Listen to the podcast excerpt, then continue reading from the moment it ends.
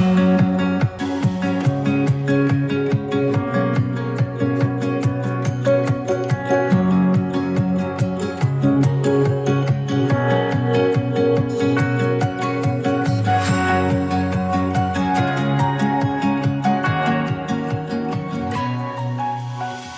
नमस्कार श्रोता कार्यक्रम मित्रतामा स्वागत छ। म प्रस्तुता विद्या तामाङ नेपाल र भारत बीचको मैत्री सम्बन्ध सांस्कृतिक र सामाजिक पक्षबारे जानकारीमूलक कार्यक्रम हो मित्रता। यो कार्यक्रम तपाईँले रेडियो क्यान्डिड बयानब्बे दशमलव सात मेगा हर्समा रेडियो क्यान्डिडको वेबसाइट रेडियो क्यान्डिड डट कममा रेडियो क्यान्डिडको फेसबुक पेज रेडियो क्यान्डिडको एप्स र पोडकास्टमा समेत सुन्न सक्नुहुन्छ। तपाईँले हरेक हप्ता यसै समय कार्यक्रम मित्रता सुन्न सक्नुहुन्छ। यो कार्यक्रममा हामी नेपाल र भारतका आपसी सम्बन्धका गतिविधि विकास निर्माणका काम नेपाल र भारतका विभिन्न ठाउँमा चलिरहेका मित्रतापूर्ण कार्यक्रम र दुई देशबीच हुने नयाँ नयाँ घटनाक्रमका विषयमा प्रत्यक्ष जानकारी दिने गर्छौं। नेपाल र भारत बीच बहुपक्षीय र बहुक्षेत्रीय विशेष साझेदारी रहेको छ। नेपाल र भारत बीचको खुला सीमा मित्रताको प्रतीकको रूपमा एक उदाहरण हो। दुई देशबीचको मित्रता कुनै औपचारिकतामा मात्र होइन। खुला सिमानाले गर्दा नागरिक बीचमा पनि सौहार्दपूर्ण सम्बन्ध रहिआएको छ। यस्तै नेपालदेखि रोजगारीका लागि भारत जाने भारतबाट नेपाल आउने नागरिकको संख्या पनि उल्लेख्य रूपमा रहेको छ। भारतीय सुरक्षा क्षेत्रमा नेपालीको प्रत्यक्ष संलग्नताका कारण दुई देशबीचको सम्बन्ध विशेष र ऐतिहासिक मानिन्छ। आजको कार्यक्रममा हामी नेपाल र भारतबारे भइरहेका विकास निर्माणका गतिविधि नेपालबाट भारत निर्यात गर्न सुरु गरिएको उनाचालिस मेगावाट विद्युत निर्यातका बारेमा नेपाल विद्युत प्राधिकरणका प्रवक्ता सुरेश बहादुर भट्टराईसँगको कुराकानी प्रस्तुत गर्नेछौ। कार्यक्रमको सुरुमा लागौं अब समाचारतर्फ। नेपालले भारतमा बिजुली निर्यात गर्न सुरु गरेको छ। नेपालमा विद्युत उत्पादन बढेर खपत हुन नसकेको बिजुली भारतमा निर्यात गर्न सुरु गरिएको हो। बुधबार रातिबाट उनाचालिस मेगावाट बिजुली इन्डियन इनर्जी एक्सचेन्ज आइइएक्समा बेचेको प्राधिकरणका प्रवक्ता सुरेश भट्टराईले जानकारी दिनुभयो। बुधबार रातिबाट त्रिशुली र देवीघाट जलविद्युत आयोजनाको बिजुली भारत निर्यात गर्न सुरु गरिएको नेपाल विद्युत प्राधिकरणले पनि जनाएको छ। सबै सेवा शुल्कहरू घटाएर प्रति युनिट औसत भारू छ रुपियाँ अठाइस पैसामा बिजुली बेचिएको छ। यो सोझै प्राधिकरणको खातामा आउने रकम हो। होइलिङ चार्ज मध्यस्थकर्ता कम्पनीको सेवा शुल्क घटाएर नेपालले करिब साढे दस रुपियाँमा भारतमा बिजुली बेचेको प्राधिकरणले जनाएको छ। नेपालले गत वर्ष कार्तिक सत्र गतेबाट डे अहेड मार्केटको अवधारणामा आइएक्समा बिजुली बेच्न सुरु गरेको थियो। चौबिस मेगावाटको त्रिशुली र चौध मेगावाटको देवीघाट आयोजनाबाट करिब एक महिनामा नेपालले भारतमा बिजुली निर्यात गरेको हो। वर्षयामा नेपालको बिजुली देशभित्र खपत हुने अवस्था नभए पनि हिउँदमा भने भारतबाट आयात गर्नुपर्ने अवस्था छ। काली गण्डकी ए जलविद्युत आयोजनाको बिजुली पनि भारतमा बिक्रीका लागि प्राविधिक तयारी भइरहेको भट्टराईले बताउनुभयो। नेपालले भारतीय बजारमा तीन सय चौसठी मेगावाटसम्म विद्युत बिक्रीका लागि स्वीकृत पाएको छ। नेपालले प्राधिकरणको स्वामित्वका त्रिशुली देवीघाट कालीगण्डकी ए मध्य मस्याङदी मर्स्याङदी र निजी क्षेत्रको ग्रिन भेन्चर्सको लिखु चारबाट उत्पादित तीन सय चौसठी मेगावाट विद्युत निर्यातका लागि स्वीकृति पाएको हो। मुस्ताङ जिल्लाको लोमानाथ छनोहुपमा रहेको श्रीपाल इवाम नामग्याल मठ विद्यालयको स्तर उन्नति गरिएको पूर्वाधारको उद्घाटन गरिएको छ। गत शुक्रबार कार्यवाहक राजदूत नामग्या श्री खम्पाले सो विद्यालयको उद्घाटन गर्नुभएको हो। सो अवसरमा श्रीपाल इवाम नामग्याल बिहार विद्यालयलाई बस र घारा पझोङ गाउँपालिकालाई एम्बुलेन्स उपहार दिएको थियो। सो परियोजना भारत सरकारको अनुदान सहयोगमा दुई करोड तीस लाख लागतमा निर्माण गरिएको हो। नेपालको तल्लो तहमा त्यसमध्ये मुस्ताङ जिल्लाका पन्ध्र आयोजना सहित गण्डकी प्रदेशमा सन्ताउन्न एचआइसिडिपी छन्। सो परियोजनाको कार्यान्वयनले सामाजिक सांस्कृतिक पूर्वाधारमा भारत सरकारको निरन्तर सहयोग र जनताबीचको सम्बन्धको विकासमा योगदान झल्काउँछ। भारत सरकारको अनुदान सहायतामा पर्वत जिल्लाको कुष्मा नगरपालिकामा रहेको एक विद्यालयको कम्प्युटर भवनको उद्घाटन भएको छ। पर्व जिल्लाको कुष्मा नगरपालिका दस पिपलटारमा अवस्थित पूर्णेश्वर माध्यमिक विद्यालयका लागि निर्माण गरिएको कम्प्युटर भवनको भारतीय राजदूतावासकी सचिव करुणा वंशले उद्घाटन गर्नुभएको हो। सामुदायिक विकास परियोजनाका रूपमा शिक्षा क्षेत्रमा भारत नेपाल विकास सहकारी अन्तर्गत एक करोड पचहत्तर लाख नेपाली रुपियाँ लागतमा भारत सरकारको अनुदान सहयोगमा सो परियोजनाको निर्माण गरिएको हो।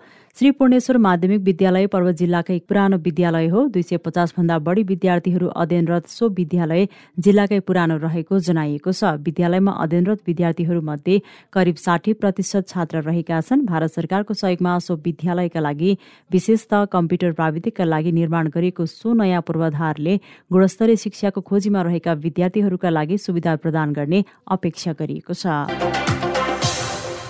समाचारपछि आजको कार्यक्रमको मुख्य विषयवस्तुतिर लागो नेपालले भारतमा बिजुली निर्यात गर्न सुरु गरेको छ। नेपालमा विद्युत उत्पादन बढेर खपत हुन नसकेको बिजुली भारत निर्यात गर्न सुरु गरेको हो। बुधबार मध्यरातीदेखि त्रिशुली र देवीघाट जलविद्युत केन्द्रको बिजुली भारत निर्यात गर्न सुरु गरेको बताउनुहुन्छ। नेपाल विद्युत प्राधिकरणका प्रवक्ता सुरेश बहादुर भट्टराई। प्रवक्ताज्यू यहाँलाई स्वागत छ। धन्यवाद।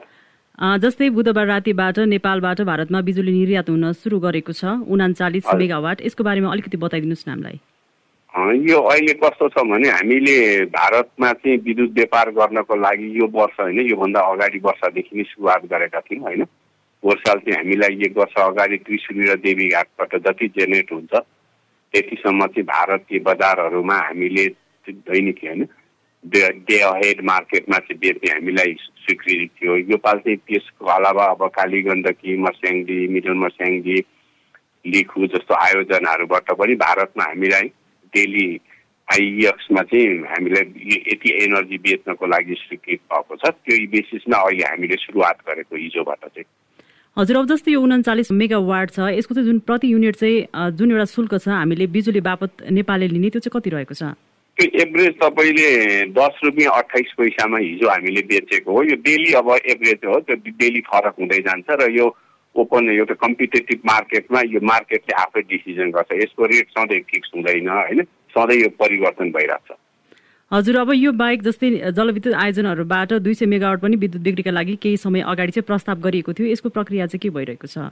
यो टेन्डरिङमा छ र सबैभन्दा बढी हामीलाई जसले आह्वान गर्छ जसले हामीलाई धेरै रेट दिन्छ होइन त्यसलाई दिने हामीले दिने हो र त्यो प्रक्रियामा छ र यो अब सायद आज भोलि अब कहिले टेन्डर खोल्छ र त्यसमध्ये सबैभन्दा राम्रो भारतीय बजारमा अथवा राम्रो प्रतिस्पर्धी कम्पनी जसको फाइनेन्सियल स्ट्याटस धेरै राम्रो छ हामी र अर्को कुरा सबैभन्दा धेरै फाइनेन्सियल अफर जसले हामीलाई गर्छ उनीहरूलाई दिने हो यो।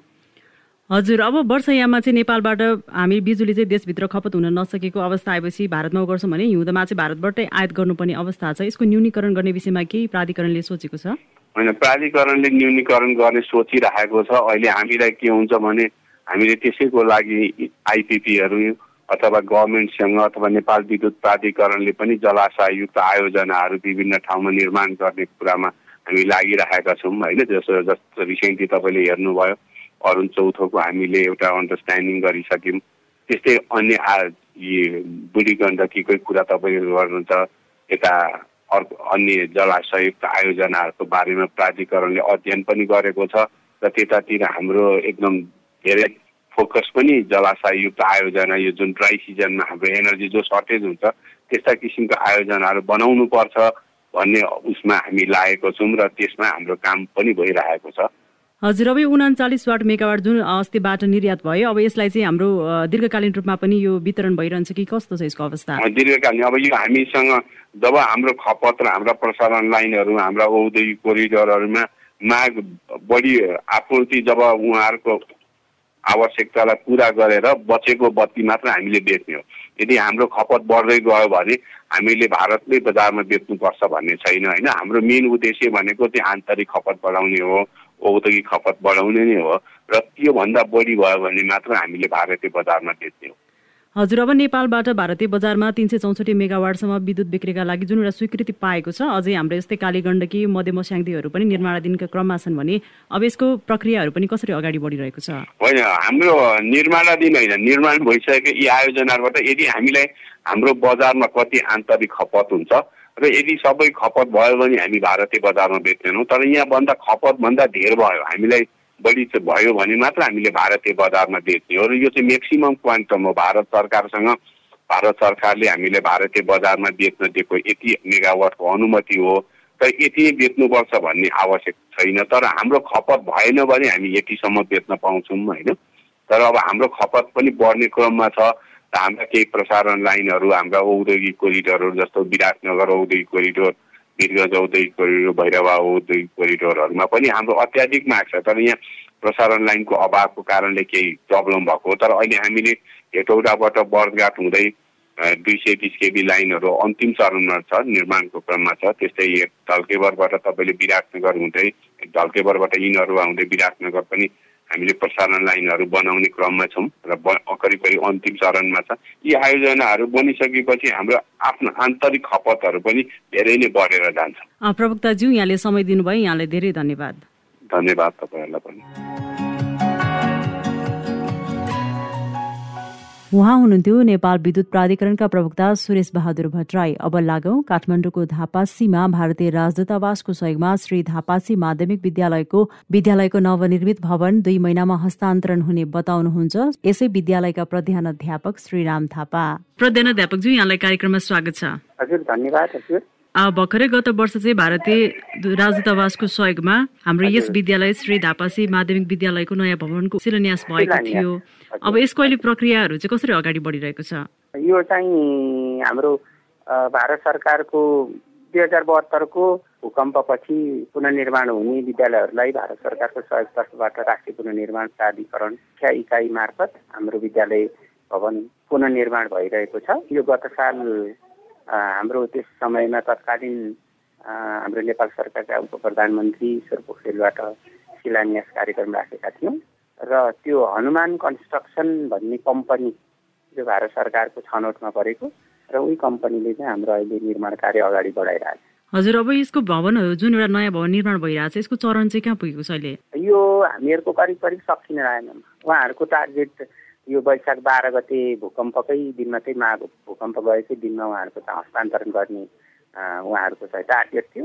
विशेष कारणले चाहिँ अलिक पानी पर्ने र बाटोको असुविधाले गर्दा हाम्रो त्यो जुन निर्माण सामग्री भनेकै बेलामा आइपुग्न नसकेकोले केही समय ढिलो भएको। हाम्रो यो करिब भौतिक रूपमा हेर्दा करिब हाम्रो अस्सीदेखि पचासी प्रतिशत काम सकिसक्यो हजुर अब अस्सीदेखि पचासी प्रतिशत काम सकिरहँदाखेरि अब यस भवनमा चाहिँ कति कोठेको भवनहरू रहेको छ र प्लस अब जुन एउटा लागत छ त्यो लागत चाहिँ कति रहेको छ? सुरुमा चाहिँ हाम्रो दस करोडको भनिएको थियो त्यसपछि आठ करोड गरेर अहिले छ करोड चान्चुनको चाहिँ इस्टिमेट चाहिँ पास भएको छ हजुर। हजुर अब यो हाम्रो एउटा पुरानो पनि विद्यालयको भएको हिसाबले चाहिँ हाल कति विद्यार्थीहरू चाहिँ अध्ययनरत छन् यहाँनिर? हजुर अहिले हाम्रो यो शैक्षिक सत्रको अहिले जुन हिजो आजसम्मको यो जेठ पन्ध्र बिस गतेको तथ्याङ्क गर्दा चाहिँ हाम्रो विद्यालयमा अहिले बाल विकास भनेको इसिडी नर्सरीदेखि कक्षा दससम्म पढ्ने विद्यार्थीको सङ्ख्या अहिले हाम्रो चार सय पचहत्तरजना छन् हजुर अहिले। अब नयाँ भवन निर्माणसँगै गुणस्तरीय शिक्षाको पनि कुरा आउँछ होइन यसमा चाहिँ कसरी जोड दिइरहनु भएको छ यहाँले? त्यही त एउटा पहिलो चाहिँ इन्फ्रास्ट्रक्चर आखिर भौतिक सुविधा नै चाहिने रहेछ त्यसपछि हजुर अब यो हाम्रो भवन बनिसकेपछि हामी शिक्षाको विशेष गरी गुणस्तरीयतामा जोड दिन्छौँ। र अहिले हाम्रो अङ्ग्रेजी माध्यमबाट पठन पाठन गर्न सकिरहेको छैनौँ। हाम्रो कक्षा कोठा साँगुरो र एकदम अभाव भएको कि। अब त्यो बिस कोठी कक्षी भवन हामीलाई अब एक डेढ महिनामा हस्तान्तरण हुन्छ। त्यसपछि हामीले विद्यालयले र वार्षिक कार्ययोजना र पाँच वर्ष योजना पनि बनाएको छ। हामीले कसरी जाने कसरी अगाडि बढ्ने भनेर हाम्रो स्कुलको व्यवस्थापन समिति र विद्यालय प्रशासन र हाम्रो वडा कार्यालय जुन जनप्रतिनिधिहरू र बुद्धिजीवीहरूको भेलाबाट हामीले एउटा कार्ययोजना पास गरेका छौँ। पाँच वर्ष जुन विद्यालय सुधार योजना भनेर एसआइटी पनि बनाएका छौँ। र त्यसअनुसार हामीले विद्यालयको अब भौतिक सुधार त हुन लाग्यो। अब हजुरले भने जस्तो गुणस्तरीय सुधार पनि शिक्षामा गुणस्तरीय सुधार ल्याउनलाई हामीले एकदम ठोस कार्यक्रमहरू चाहिँ अगाडि ल्याएका छौँ। तिन चारवटा उद्देश्य राखेर कसरी कार्यान्वयन गर्ने र कस कुन चरणमा कसरी कहाँबाट भनेर हामीले त्यो पूर्ण रूपमा हामीले एउटा एकदम योजनाका साथ हामी चाहिँ अगाडि बढ्दैछौँ। हजुर प्रधानाध्यापकज्यू मैले अन्तमा प्रश्न राख्न चाहेँ जसरी यसरी नेपालबाट नेपालमा चाहिँ भारतीय दूतावासले भनौँ यसरी सहयोग गरिरहँदाखेरि हाम्रो एउटा सामाजिक आर्थिक रूपमा दुई देश बिचको द्विपक्षीय सम्बन्ध चाहिँ कस्तो पाउनुभयो यहाँले? त्यही त अब हामीहरूको चाहिँ अब सदियौँदेखि अब विशेष गरी भारत र नेपाल त सदियौँदेखिको हाम्रो एकदम सामाजिक आर्थिक शैक्षिक सबै कुरामा चाहिँ सम्बन्ध रहेको मुलुक हो। र त्यसमा चाहिँ हामी असाध्यै भारत सरकारको जुन सहयोग छ चिन सरकारले पनि गरिरहेको छ। चिन सरकारले दरबार स्कुल लगायत अन्य स्कुलहरू बनाएको छ भने अहिले भारत सरकारले पनि काठमाडौँ उपत्यकाभित्रका तथा उपत्यका बाहिर पनि कति स्कुलहरू बनाएको छ। यसले चाहिँ अब पहिला चाहिँ तराईमा मात्रै बनाउँछ भन्ने मान्छेहरूको भावना थियो भने यो होइन। यसले हिमाल पहाड लगायत अब काठमाडौँ जस्तो राजधानी सङ्घीय राजधानीमा पनि बनाउँदो रहेछ भनेर चाहिँ यो सम्बन्धले चाहिँ असाध्यै राम्रो सुमधुर सम्बन्ध अगाडि बढ्दै जाने र मानिसहरूमा चाहिँ जुन राष्ट्रियताको भावना साथसाथै राष्ट्रियताको भावना मात्रै होइन कि अन्य भावनाले पनि हामी चाहिँ अरू देशहरूसँग जुन विशेष गरी भारतसँग चाहिँ मित्रवत व्यवहार हुनुपर्छ र हामी चाहिँ जसले के भने पनि नजिकको मुलुक छिमेकी मुलुक भारतको हामी सबै क्षेत्रमा चाहिँ भारतको प्रभाव पनि छ भारतसँग हामी आश्रित हुनुपर्ने अवस्था छ र यो राम्रो पनि पक्ष हो हाम्रो चाहिँ भारतले जुन जुन हाम्रो यो जुन शैक्षिक क्षेत्रमा गरेको सहयोग चाहिँ एकदमै उल्लेखनीय र अब हाम्रो दुई देशबिचको सम्बन्ध कायम असाध्यै राम्रो बलियो हुँदै हुन्छ जान्छ भन्ने जस्तो लाग्छ मलाई। हजुर यहाँले समय उपलब्ध गराइदिनु भयो यहाँलाई धेरै धन्यवाद। हजुर हस् हस् हजुरले पनि अब जुन मलाई मौका दिनुभयो बोल्नलाई। त्यसका लागि चाहिँ धेरै धेरै धन्यवाद हजुरलाई उहाँ हुनुहुन्थ्यो श्री धापासी माध्यमिक विद्यालयका प्रधानाध्यापक श्री राम थापा। उहाँसँगको यो कुराकानीसँगै कार्यक्रम मित्रताको आजको समय सकिने लागेको छ। आजको कार्यक्रममा हामीले नेपाल र भारत बाहिर भइरहेका विकास निर्माणका गतिविधि नेपालबाट भारत निर्यात गर्न सुरु गरिएको उनाचालिस मेगावाट विद्युत निर्यातका बारेमा नेपाल विद्युत प्राधिकरणका प्रवक्ता सुरेश बहादुर भट्टराईसँगको कुराकानी प्रस्तुत गर्यौं। अर्को हप्ता नयाँ र फरक विषय लिएर आउनेछौ। आजको कार्यक्रमबाट प्राविधिक मित्र सृजना भुजेलसँगै म कार्यक्रम प्रस्तुता विद्या तामाङ पनि विदा हुन्छु। नमस्कार।